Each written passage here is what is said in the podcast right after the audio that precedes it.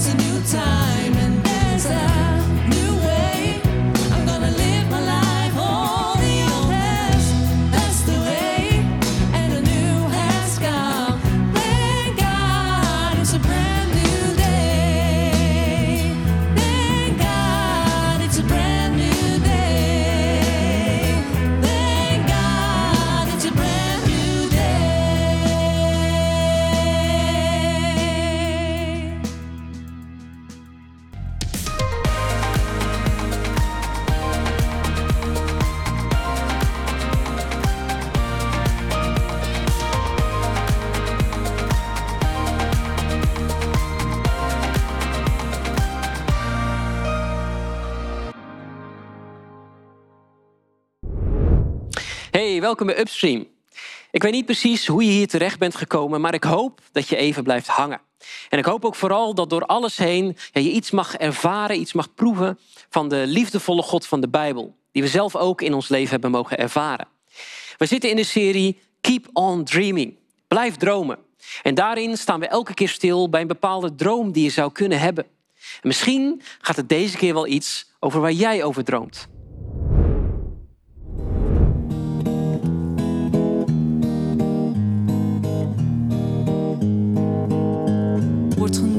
Ooit eens genoeg? Nee, daarvoor is het nog te vroeg. We moeten mensen blijven boeien, geef ons meer meneer. Een stapje terug zit er niet in. We willen allemaal ons zin. Animatie bij het weer, we willen meer meneer. Ik kan het zelf niet meer bedenken. Toe bedien me op me wenken. Bedien me op me wenken. Ik wil meer meneer. Wat er is moet je gebruiken tot we moeten onderduiken. We moeten vluchten voor het weer, meneer. Oh, oh, oh. Vroeger was de wereld groot, nu heb je hem allemaal op schoot. Van wieg tot aan de dood, we willen meer, meneer. Terwijl de horizon verbreedt, kijken we steeds meer met ons reet. Onze koppen in het zand, we willen meer, meneer. Oh, de het is van mij al zijn de feiten vogelvrij. Zet ze pan klaar op een rij, we willen meer meneer. Want de waarheid die je zei, het moet mooier, het moet vrijer. Niemand meer een armoedzaaier, geef ons meer meneer.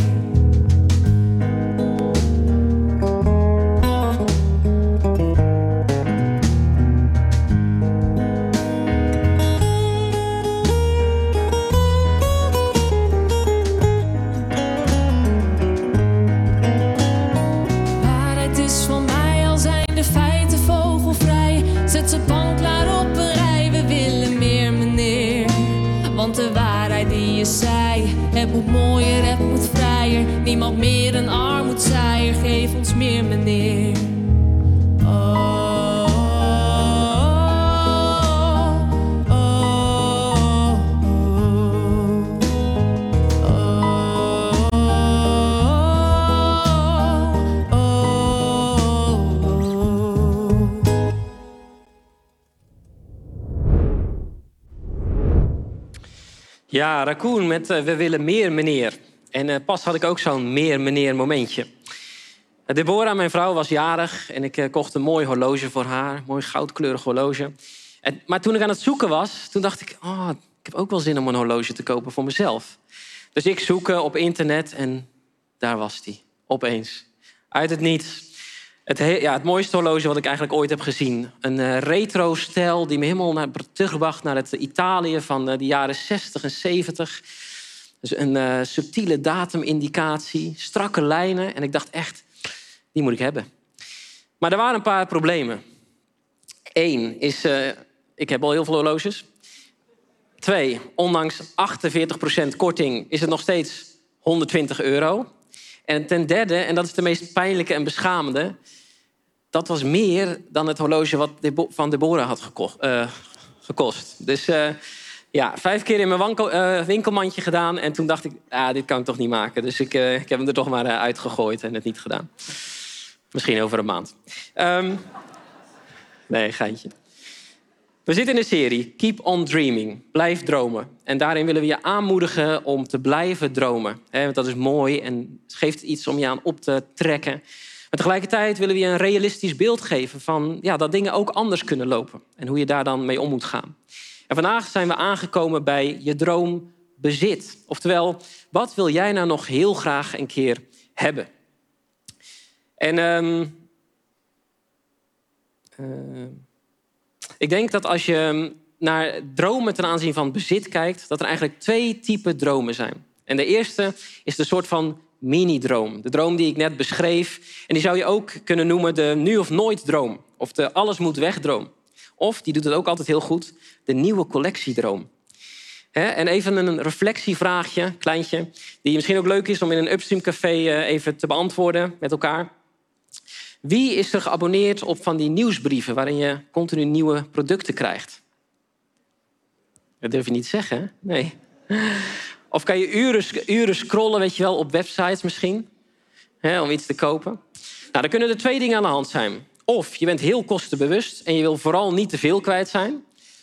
Of, en dan moet je vandaag goed opletten, je bent net zoals mij en je krijgt steeds zo'n mini-droom dat je denkt, "Oh, die moet ik hebben. Nou, daar gaat het vooral vandaag over, die categorie. Ehm, daarnaast, naast die mini-droom, is er denk ik ook nog natuurlijk de grote droom. Dat je droomt van, hey, als ik ooit dat huis mag hebben. Of bijvoorbeeld een boerderijtje wat je om wil bouwen. Dat hoor ik dan eh, regelmatig. Of een, eh, een caravan om eh, een rondreis te gaan maken. Of een mooie auto die je ooit nog een keer ooit wil rijden. Nou, mini-dromen dus en, en grote dromen. Ehm, ik weet niet hoe het met jou zit, eh, maar we hebben wel de mensen op straat gevraagd hoe zij aankijken tegen dit soort dromen. Is er iets wat u vroeger heel graag wilde hebben?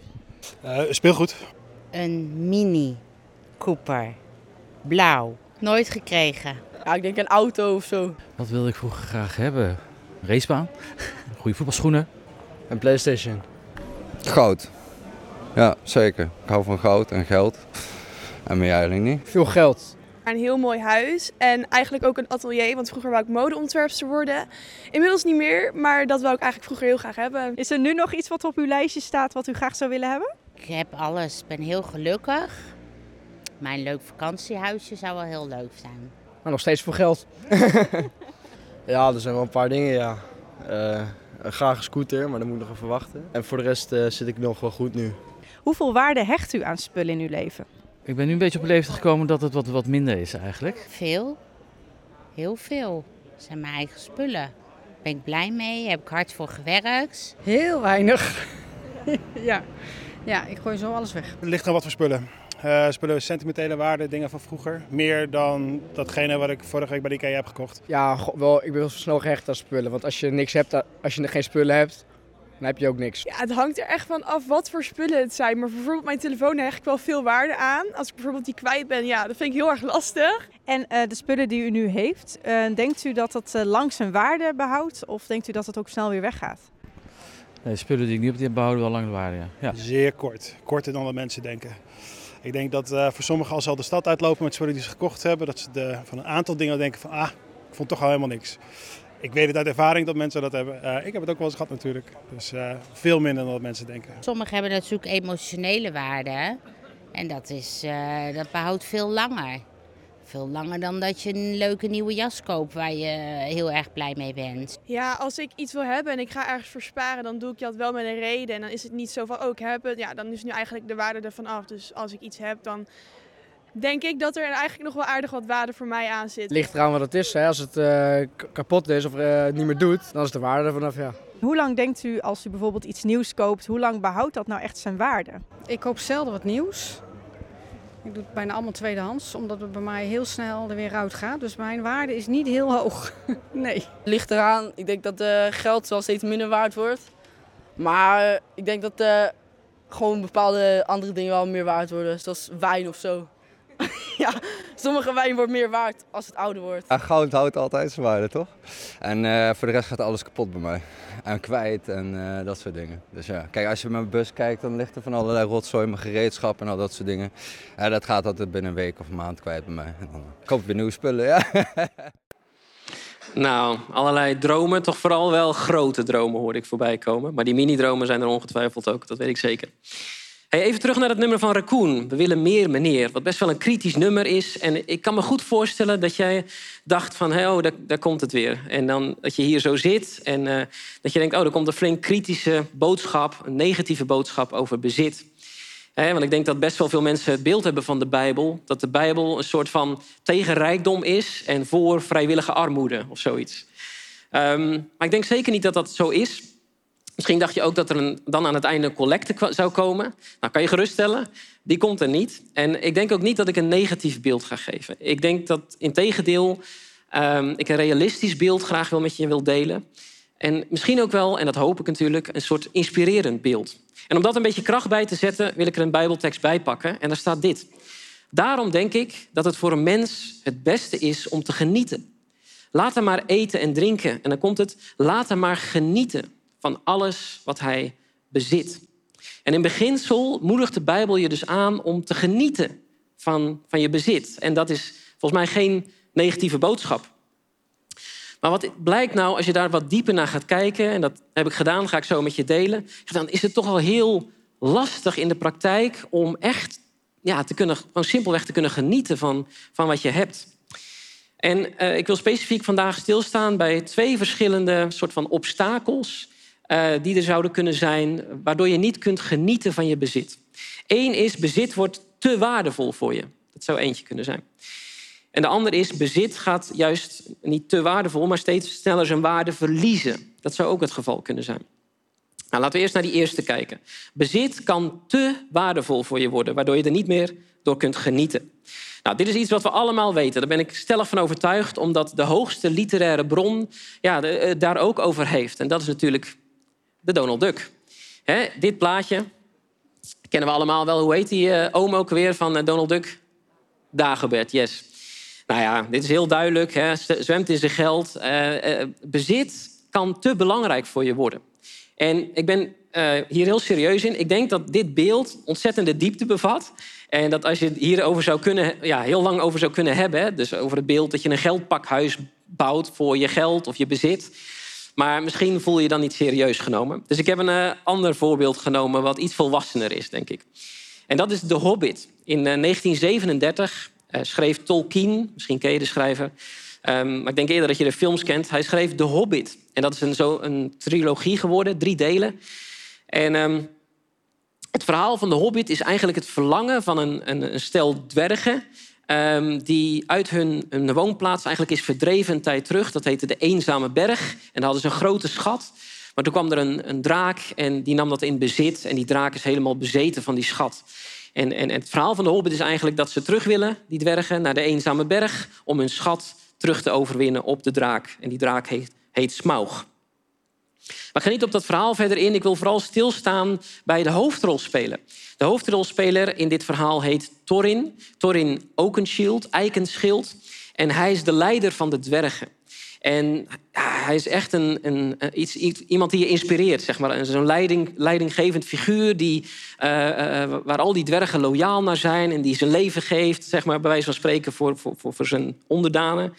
Ehm, maar er gebeurt iets in het derde deel. In het derde deel dan is iedereen aan het vechten met die draak. Die draak is even bij zijn schat weggegaan. En dan is Thorin is alleen met die, met die schat. En dan gebeurt er iets.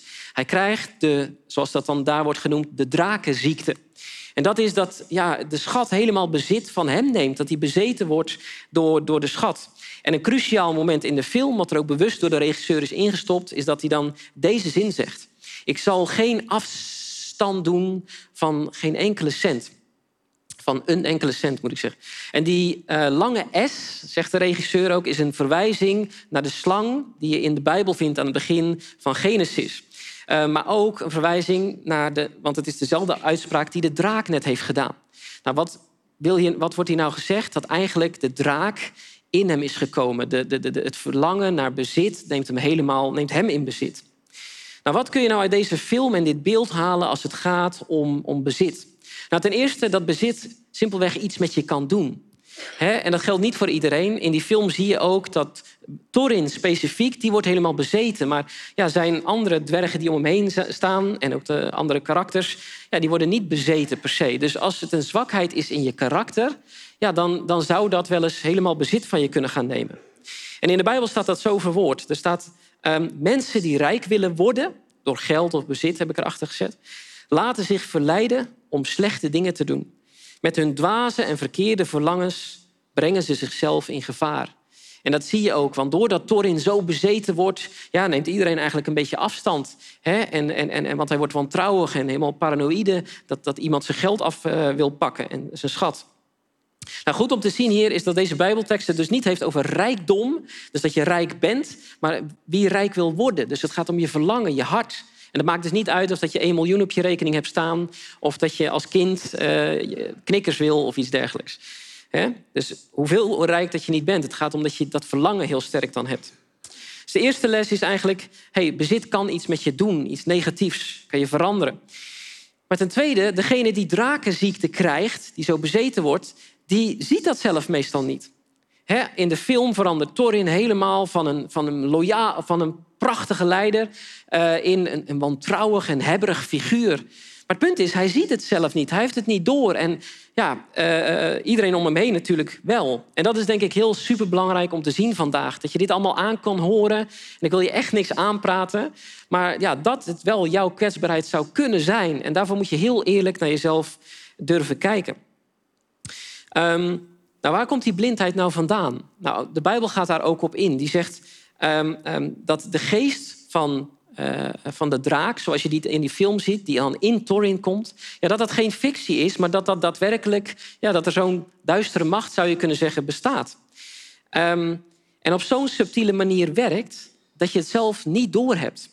In de Bijbel staat dat eh, in dit korte zinnetje heel mooi verwoord. Het is niet iets moois, maar het staat wel duidelijk verwoord. Eh, Satan, die, die, die kwade macht, vermomt zich als een engel van het licht. Nou, hoe kun je dat dan concreet herkennen? Hè? Want dit is allemaal nog een beetje eh, misschien ook eh, eh, bovennatuurlijk-achtig iets. Maar hoe kun je dat dan heel concreet herkennen? Nou, bijvoorbeeld als je zo'n droom krijgt over dat je iets wil hebben... dat er altijd opeens goede redenen zijn om dat aan te gaan schaffen. Hè? eh, denk aan, ik heb dit echt nodig. Hè? Of ik heb dit verdiend. Hè? Of ehm, het is nu of nooit. Zo'n kans komt nooit meer voorbij. Nou, zo kan ik een eindeloze lijst maken. Maar het punt is dat die redenen, na een paar weken, als je erop terugkijkt, dan denk je ook, hoe heb ik dit kunnen denken? Want die redenen die zijn vaak helemaal niet, niet niet waar of het, het belangrijkste of ze kloppen niet. En al die redenen die verblinden je in dat moment. Maar er is wel een manier om de drakenziekte te gaan zien. En dat zie je ook in die film. Want op een gegeven moment loopt Thorin over een gouden vloer. En dan kijkt hij zo in de weerspiegeling en dan ziet hij zichzelf. Maar wat ziet hij ook? Hij ziet een grote draak zo onder die gouden vloer.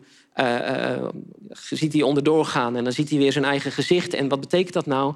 Hij gaat zien, dat als hij heel eerlijk in de spiegel is uh, kijkt, dat hij, ja, dat hij een draak is geworden. En um, volgens de Bijbel ja, is dit ook hoe je die draak in jezelf kunt ontmaskeren. Dat is dat je heel eerlijk in de spiegel moet kijken. En dat vergt heel wat moed. Uh, uh, um, uh, en die spiegel is de Bijbel dan zelf.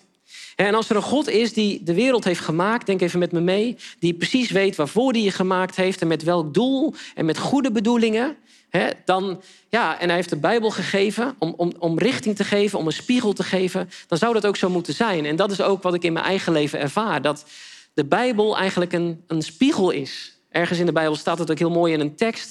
Die is te lang, die ga ik je nu niet geven.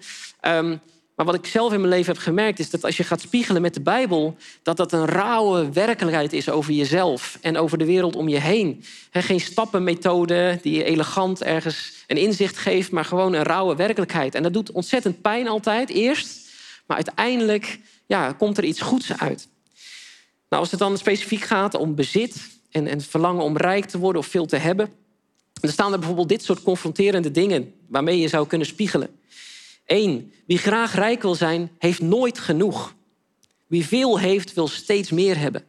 Nou, dat zou iets kunnen zijn wat, wat voor jou zou kunnen gelden en wat even pijn doet. Of dit, rijke mensen denken dat ze veilig zijn. Ze denken dat hun bezit hun beschermt. dat je ergens bent zo gaan vasthouden omdat het veiligheid geeft. Dat kan heel psychologisch diep gaan, daar gaan we nu niet verder op in. Maar dit soort spiegelende dingen staan er in de Bijbel.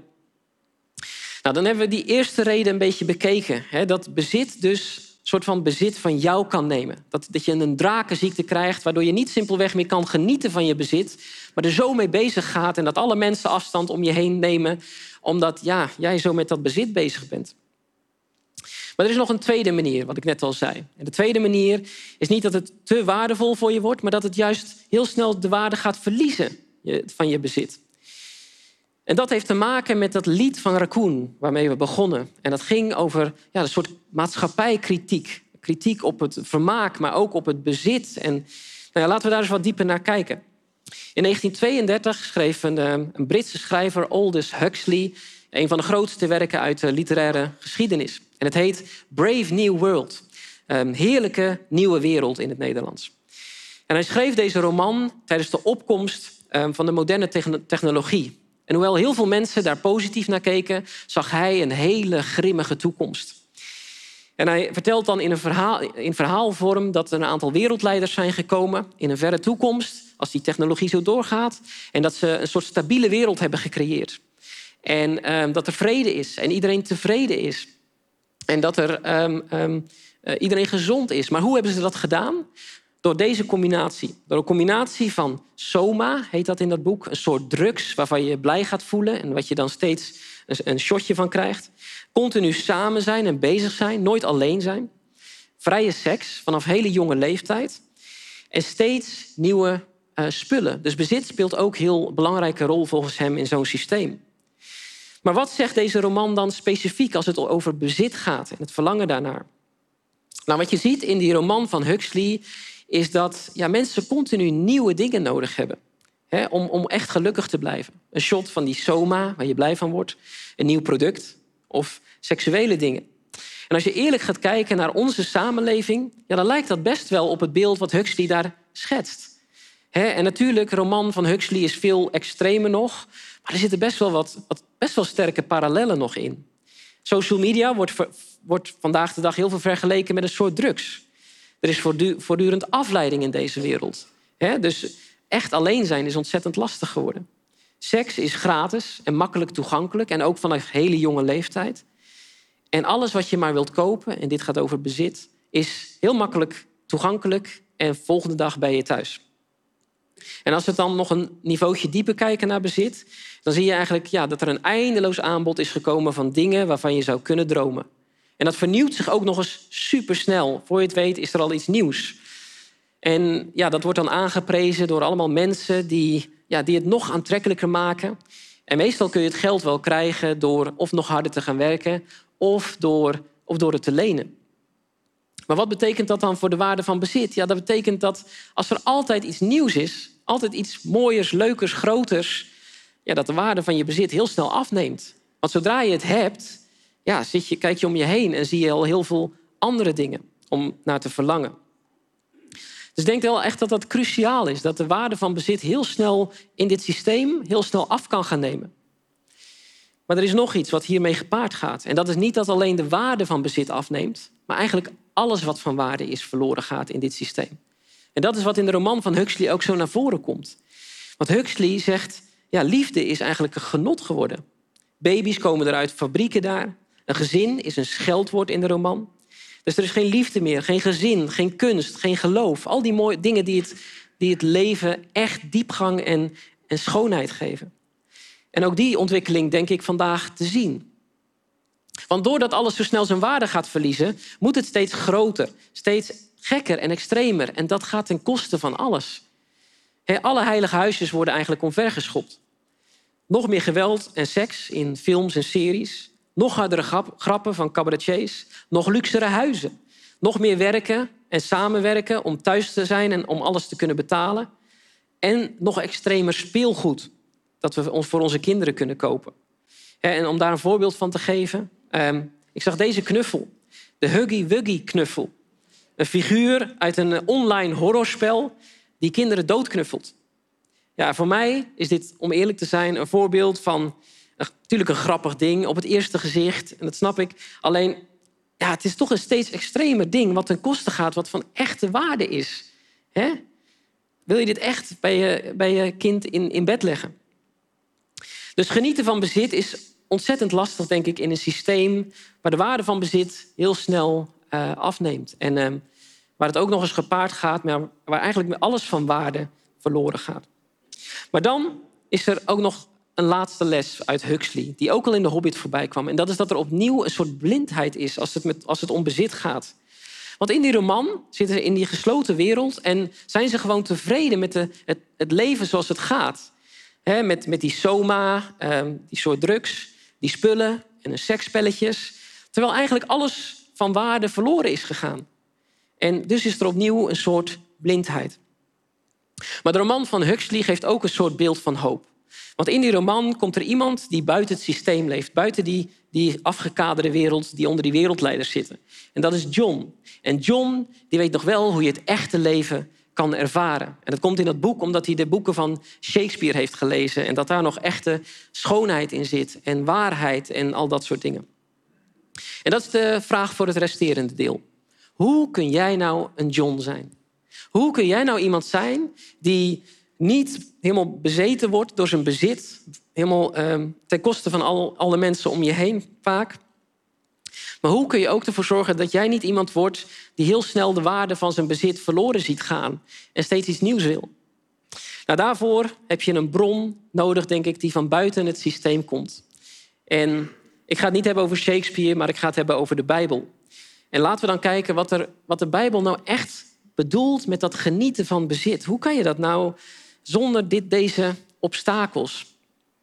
En ik denk dat het kenwoord, uh, want ik heb altijd de neiging om uh, heel erg uit te waaieren, maar het kenwoord wat ik hoop dat je meeneemt van vandaag is dankbaarheid. Een simpele dankbaarheid, uh, een leven waar het niet uitmaakt hoeveel of hoe weinig je hebt, maar dat je ja, een soort tevredenheid hebt en ook het los kunt laten als je iets weg wil geven. Maar hoe dan natuurlijk, hè, is de vraag. Laten we teruggaan naar die centrale Bijbeltekst van vandaag. Die, die luidde zo. Daarom denk ik dat het voor een mens het beste is om te genieten. Laat hij maar eten en drinken van, uh, uh, en laat hem maar genieten, ik was het, van alles wat hij bezit. Maar hoe dan, hè? genieten van je bezit? Nou, gelukkig staat er nog een stukje achter. Er staat dit. God geeft je misschien rijkdom en bezit. Het is een geschenk van God. En volgens de schrijver van dit Bijbelboek ja, is het dus de, de soort van succes, eh, de, de sleutel tot gaan genieten van je bezit, is om je bezit als een geschenk van God te gaan zien. Om dankbaar te worden. En niet zomaar dankbaar, maar dankbaar aan God. En dat is, dankbaarheid is ook logisch, denk ik. Hè? Dat heb ik net al een beetje benoemd. Als je dankbaar wordt, kun je het makkelijker loslaten. Kun je tevreden zijn met wat je hebt. Ehm, dus dat is denk ik niet zo gek. Maar de vraag blijft dan natuurlijk, waarom heb je God daarvoor nodig? Waarom zou je God nou nodig hebben, dankbaarheid naar God toe, om, ehm, om echt die dankbaarheid in je leven te krijgen? Ik zag pas het dankboek van de succesvolle ondernemer Ernst-Jan Fout. Misschien ken je hem, misschien niet. Ehm, hij schreef een boek over de kracht van dankbaarheid. Of eigenlijk is een soort notitieblokje waar je alles waar je op een dag dankbaar voor bent kunt opschrijven om echt bewust te worden van hé, hey, dit heb ik een soort van ontvangen um, uit het universum of wat dan ook. En, um, en, en daar wil ik me bewust van worden. En op zijn website staat bijvoorbeeld dan dit. Als je regelmatig opschrijft waar je dankbaar voor bent, dan word je daar volgens talloze onderzoeken uh, gelukkiger van. En zijn boodschap is eigenlijk: dankbaarheid is iets wat je gewoon moet gaan doen. Je begint daarmee, je begint te schrijven en dan ga je het gewoon doen. En dan uiteindelijk word je er gelukkiger van. Maar daar twijfel ik aan. Want ik denk dat dat, dat, dat niet heel lang werkt. En waarom? Nou, één is dat simpelweg van nature hebben we geen dankbare houding. In ieder geval ik niet. En ben ik veel meer geneigd om te gaan zeggen dat ik iets verdien. Dat ik iets verdiend heb of uh, moet verdienen of wat dan ook. En dus vergt het een hele sterke wil om daartegen in te gaan. Maar ten tweede en belangrijker, ja, dankbaarheid, het woord zegt al dat je dankbaar aan iemand bent. Dankbaar voor iemand, dankbaar, weet je? En dat iemand mist in dit verhaal. En de Bijbel, um, ja, die gaat daar wel op in. Die geeft iemand die je echt dankbaar kunt zijn. Maar dan is de vraag natuurlijk, ja, waarom zou ik God dan dankbaar moeten zijn? En ik denk dat er een, een diepere verandering nodig is dan, dan dat boekje, dat dankbaarheidsboekje. En, en dat je moet gaan zien wat het grootste geschenk is wat God je eigenlijk wil geven. En dat je dan ook dankbaarder met je bezit om kunt gaan. Nou, wat is dan dat grootste bezit? Dat wil ik aan, uh, uitleggen aan de hand van een laatste voorbeeld. Een laatste film opnieuw. Misschien ken je de film Schindler's List. Dat is een uh, hele bekende film, 1993. Gaat over de Holocaust, over de Tweede Wereldoorlog. En daar is een man, Oskar Schindler. Een zakenman die dus heel erg gericht is op, uh, dat is niet per definitie zo, maar in die film wel zo. Hij is heel erg gericht op bezit. En dat wil hij, hij wil zelfs goedkope Joodse arbeidskrachten in een fabriek wil laten werken om er zelf eigenlijk te van profiteren. Maar dan ziet hij opeens een gruwelijk beeld. Hij staat op een, uh, op een soort berg en hij kijkt naar beneden en dan ziet hij dat er een Joodse ghetto wordt ont ontruimd. Een ghetto was zo'n plek waar allemaal Joden in werden geduwd. En hij ziet gewoon dat er mensen, dat er Joden dood worden geschoten voor de ogen van hun kinderen. En het verandert iets in hem. En, en, en, en vanaf dat moment ja, gaat hij, ja, verandert hij. En dan geeft hij op een gegeven moment zijn horloge, een stukje van zijn bezit, symbolisch af om een Joods gezin te redden. En uiteindelijk redt hij dan 1100 Joden uit de concentratiekampen. Maar wat gebeurt er hier nou? Dat dit is een voorbeeld van iemand die verandert ten, zijn beeld ten opzichte van bezit. En die gaat er op een hele andere manier op. Maar wat gebeurt er nou ten diepste? als je gewoon die film kijkt, dan denk je... hé, hey, hij ziet die Joden, hij heeft medelijden natuurlijk, compassie... en hij wil ze gaan helpen. En dat is ook zeker natuurlijk wat er gebeurt, want het is gruwelijk wat er gebeurt. Maar er is nog iets anders. Als je daar dieper op over na gaat denken, dan is dat een schuldgevoel. Dan zie je gewoon bij Sinclair dat hij denkt... Uh, naast dat hij heel veel medelijden heeft voor die Joden... dan merk je dat hij naar binnen kijkt en dat hij zegt... Oh, ik heb mijn bezit verkwist. Ik ben zo ondankbaar omgegaan met alles wat ik, wat ik heb gedaan. En dat schuldgevoel is niet dat hij die Joden zelf heeft vermoord, maar dat hij zijn bezit niet heeft ingezet om iets te voorkomen, uh, om ook maar iets te doen om, om dit te voorkomen wat hij nu voor zijn ogen ziet. Um, en aan het einde van de film dan wordt dat schuldgevoel heel duidelijk. Want dan staan er heel die, al die Joden, die 1100 Joden die hij gered heeft, staan voor hem. En waar hij zich druk om maakt, is dat hij zijn auto ziet, nog dat laatste bezit. En dat hij zegt, daar had ik nog tien mensenlevens mee kunnen redden. En hij krijgt een gouden ring van die joden die hem ontzettend dankbaar zijn natuurlijk. En dan zegt hij, er kan nog twee mensenlevens had ik daarmee kunnen redden. Oftewel, zelfs de meest nobele man, die zo vergevig als het maar kan geworden is... die al zijn bezit bijna heeft weggegeven... die klaagt zich nog zelf nog aan, die voelt zich nog schuldig... om dat kleine stukje wat hij nog niet heeft gedaan. En dat herken ik uit mijn eigen leven. En ik denk dat iedereen dat linksom of rechtsom wel moet kunnen herkennen. En dat is dat je een verandering bijna altijd begint, niet altijd, maar bijna altijd begint bij een soort schuldgevoel. En dat je dat soms wel lukt om je dan te veranderen, maar dat schuldgevoelens altijd in jezelf blijven bestaan. Dat je jezelf tekort vindt schieten. En bijvoorbeeld met bezit. Wanneer ga je nou schuldig voelen over dat je niet goed, omgaat met je bezit? Dat is meestal als je schuldig voelt omdat je een arm iemand ziet. Iemand die minder heeft dan jou. Of als je, dat iemand overlijdt en dat je je naar jezelf toe schuldig voelt. Van, ga ik toch ook slecht om met mijn bezit? Wat, wat, wat, wat ehm, eh, relatief en oppervlakkig dat ik me zo druk maak om een horloge wat ik wil kopen... terwijl er hier iemand sterft. Ik ben niet bezig met de essentie van het leven. En zo gaat het denk ik met alles. dat je voor de spiegel gaat staan en dat je je schuldig voelt over... Ah, waarom ga ik nou zo nutteloos om of zo verkeerd om met mijn lichaam? Of dat, je, dat er iets met iemand gebeurt en dat je denkt, je schuldig voelt over waarom maak ik nou ruzie met diegene elke keer? Dus elke keer begint die verandering met een schuldgevoel en dan ga je proberen beter te leven. dan ga je proberen uh, minder te kopen en meer weg te geven. En dan ga je proberen om weer vaker naar de sportschool te gaan, vaker je ouders op te zoeken, proberen aardiger te zijn, noem maar op. En dat hou je misschien ook wel vol, maar net als bij Schindler, die meest vrijgevige man, zelfs hij blijft nog, blijven de schuldgevoelens aan hem knagen. Omdat je het verleden niet kan loslaten, één. En omdat er gewoon steeds nieuwe dingen gebeuren waarin je zelf zegt, ja, ik kan mezelf dit eigenlijk niet vergeven. Ik, ik voel me daar schuldig over. En dat heb je natuurlijk niet continu, dat gevoel, maar dat komt op die momenten dan naar boven. Dat je geconfronteerd wordt. En daarvoor heb je God nodig.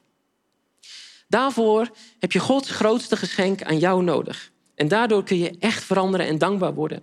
Want als je de Bijbel gaat lezen, dan raak je net als Schindler onder de indruk van een onschuldige Jood die op gruwelijke wijze wordt vermoord door een groep nazi-achtige mensen. En als je naar Jezus lijden en sterven kijkt, dan krijg je net als Schindler eerst compassie en medelijden. Maar als je het echt binnen laat komen, dan krijg je daarna een schuldgevoel. Niet omdat jij Jezus hebt vermoord, maar omdat Jezus tegen jou zegt in de Bijbel: ik doe dat voor jou. Ik moest voor jou lijden en sterven. En niet direct omdat jij mij vermoordt, of, maar omdat God jou dingen heeft gegeven. Als God deze wereld heeft gemaakt en God geeft je dingen in bruikleen en je gaat er niet goed mee om, ja, daarvoor moest ik sterven. Jij gaat niet goed om met je bezit, met je man, met je vrouw, met je werk, met je kinderen, met je ouders. En dat voelen we ergens dat dat niet klopt. We hebben een schuldgevoel. En niet alleen naar onszelf, maar ik persoonlijk geloof ook naar God. En Jezus zegt, ja, daarvoor moest ik aan een kruis sterven. Maar voor je wegzakt in een zee van schuld, net als Schindler, zegt Jezus nog iets. Ik moest voor jou sterven. Het was de enige manier om het weer goed te maken tussen God en jou. Maar ik wilde het ook.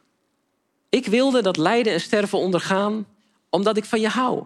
En wat ik niet wil, dat, dat je los van God blijft en dat je zo door het leven blijft gaan met een schuldgevoel. Ik wil dat dit opgelost wordt. En dat dit is mijn manier om aan jou te laten zien, ik hou van je en ik heb het je vergeven en je hoeft niet langer met dat schuldgevoel door het leven te gaan. En ik heb een tekst in de Bijbel gekozen waar, waar dit verwoord staat als een geschenk van God. Er staat dit. Wie gehoorzaam is aan de zonde, die krijgt als beloning de dood. Niet letterlijk dood, maar een soort geestelijke dood. Maar wie bij God hoort, die krijgt een geschenk dat God aan ons wil geven. Het eeuwige leven. Dankzij onze Heer Jezus Christus. En dit is een wat lastige tekst. Ik wilde vooral dat woordje geschenk er even in hebben. Um, ik ga dit even omwille van de tijd heel kernachtig weergeven. Eigenlijk heb je volgens de Bijbel twee wegen die je kunt gaan bewandelen. Eén is de hel. En die begint niet einde na je leven. Die begint nu al als je je continu gebukt gaat onder schuld. Een leven zonder God. Ik geloof dat dat het begin is van de hel. Maar ook de hemel. En die kan ook nu al vandaag beginnen. Als je gaat leven met God zonder die schuldgevoelens, zonder dat ergens weten, ik, er is iets meer in het leven en ik ga niet op de goede manier om met mijn leven. En dat onverdiende cadeau, dat cadeau wat je niet verdient, maar wel krijgt uit liefde, ja, dat maakt dankbaar. Dat maakt. Ik kan allerlei andere manieren uitleggen waarop je dankbaar kunt krijgen, maar dit is het diepste. Als je dat ja, gaat ervaren in je leven, en zeker op het moment dat je dat schuldgevoel naar boven komt, dan komt dat misschien echt nog binnen. Ehm, als je dat toelaat, ja, dan word je zo dankbaar dat het de rest van je leven blijft, blijft plakken, als het ware. En dat heb ik zelf ervaren en dat gun ik je zo ontzettend. En wat doet dat dan ten opzichte van bezit? Nou, je krijgt een dankbare houding. Je bezit wordt niet te belangrijk voor je, want Jezus wordt het belangrijkste in je leven en wat hij heeft gedaan. En Jezus was iemand die alles weggeeft. die niks voor zichzelf houdt, die zijn leven zelfs geeft. En dan wordt het voor jou ook makkelijker om ja, dingen los te laten. Maar je bezit verliest ook niet snel zijn waarde. Want alles wat, wat er in je leven, wat je maar krijgt, ook al is het zo klein, ga je zien als een geschenk van God, wat je niet hebt verdiend, maar wel hebt gekregen. En dan is er nog één stukje, wat misschien nog wel belangrijker is.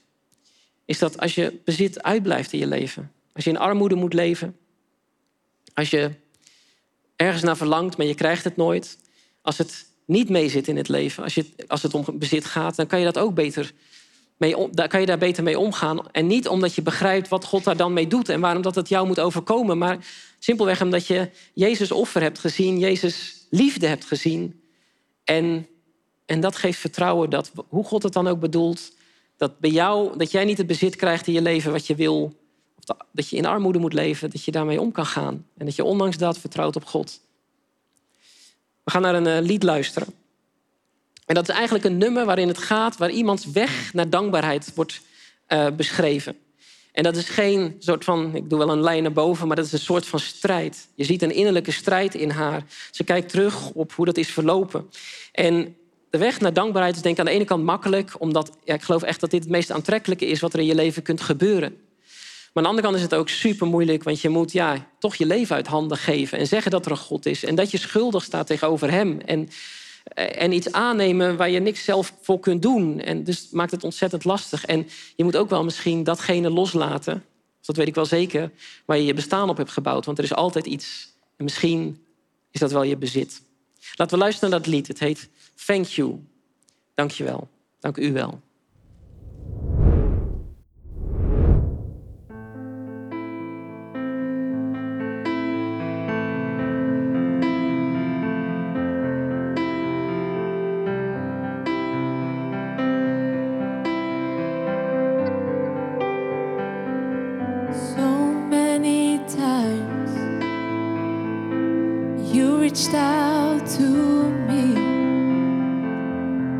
turn my back cause I did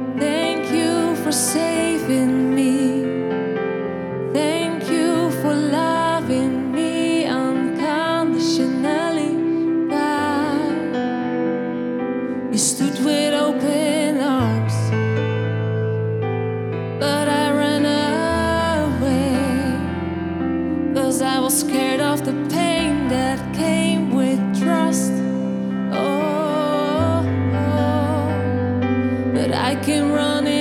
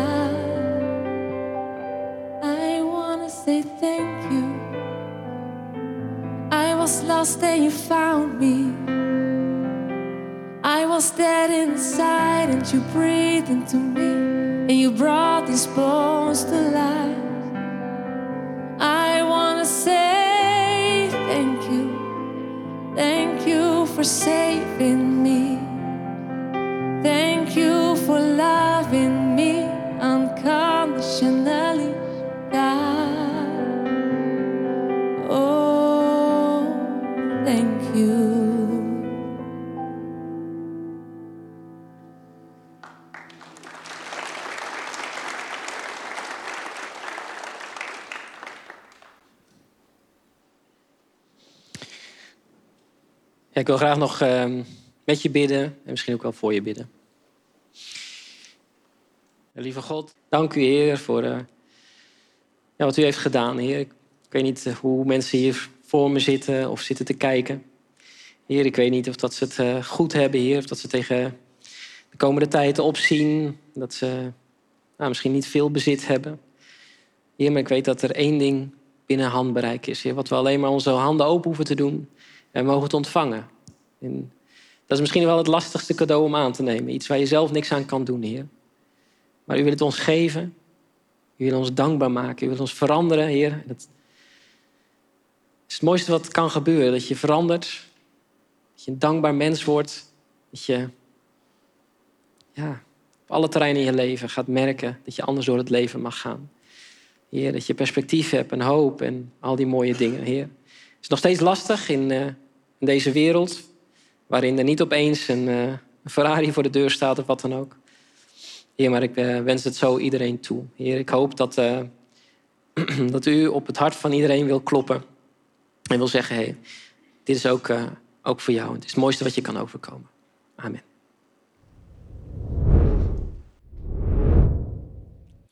Ja, dan zijn we bijna alweer aan het einde gekomen. Er komt zo nog een mooi nummer aan.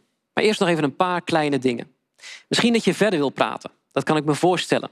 Er zijn een paar mogelijkheden om dat te doen via onze website. Tegelijkertijd zit er misschien wel een upstream locatie bij jou in de buurt. En dat is een plek waar je samen met andere mensen deze video's kunt beleven en daarover door kunt praten. Kijk snel of dat er zo'n upstream locatie bij jou in de buurt zit. En tenslotte, ja, misschien wil je nog meer video's kijken. Dat kan. Onze website staat vol met video's over allerlei thema's. Voor nu, tot ziens bij Upstream.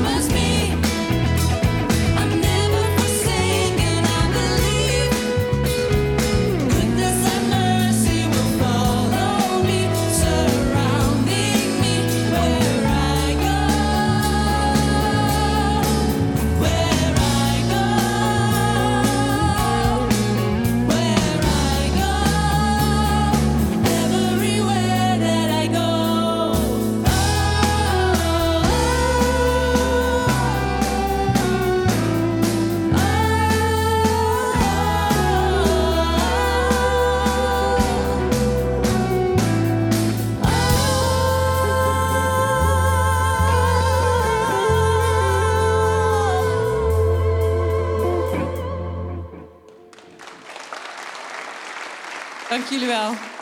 Bedankt voor het komen en voor het kijken en tot de volgende keer.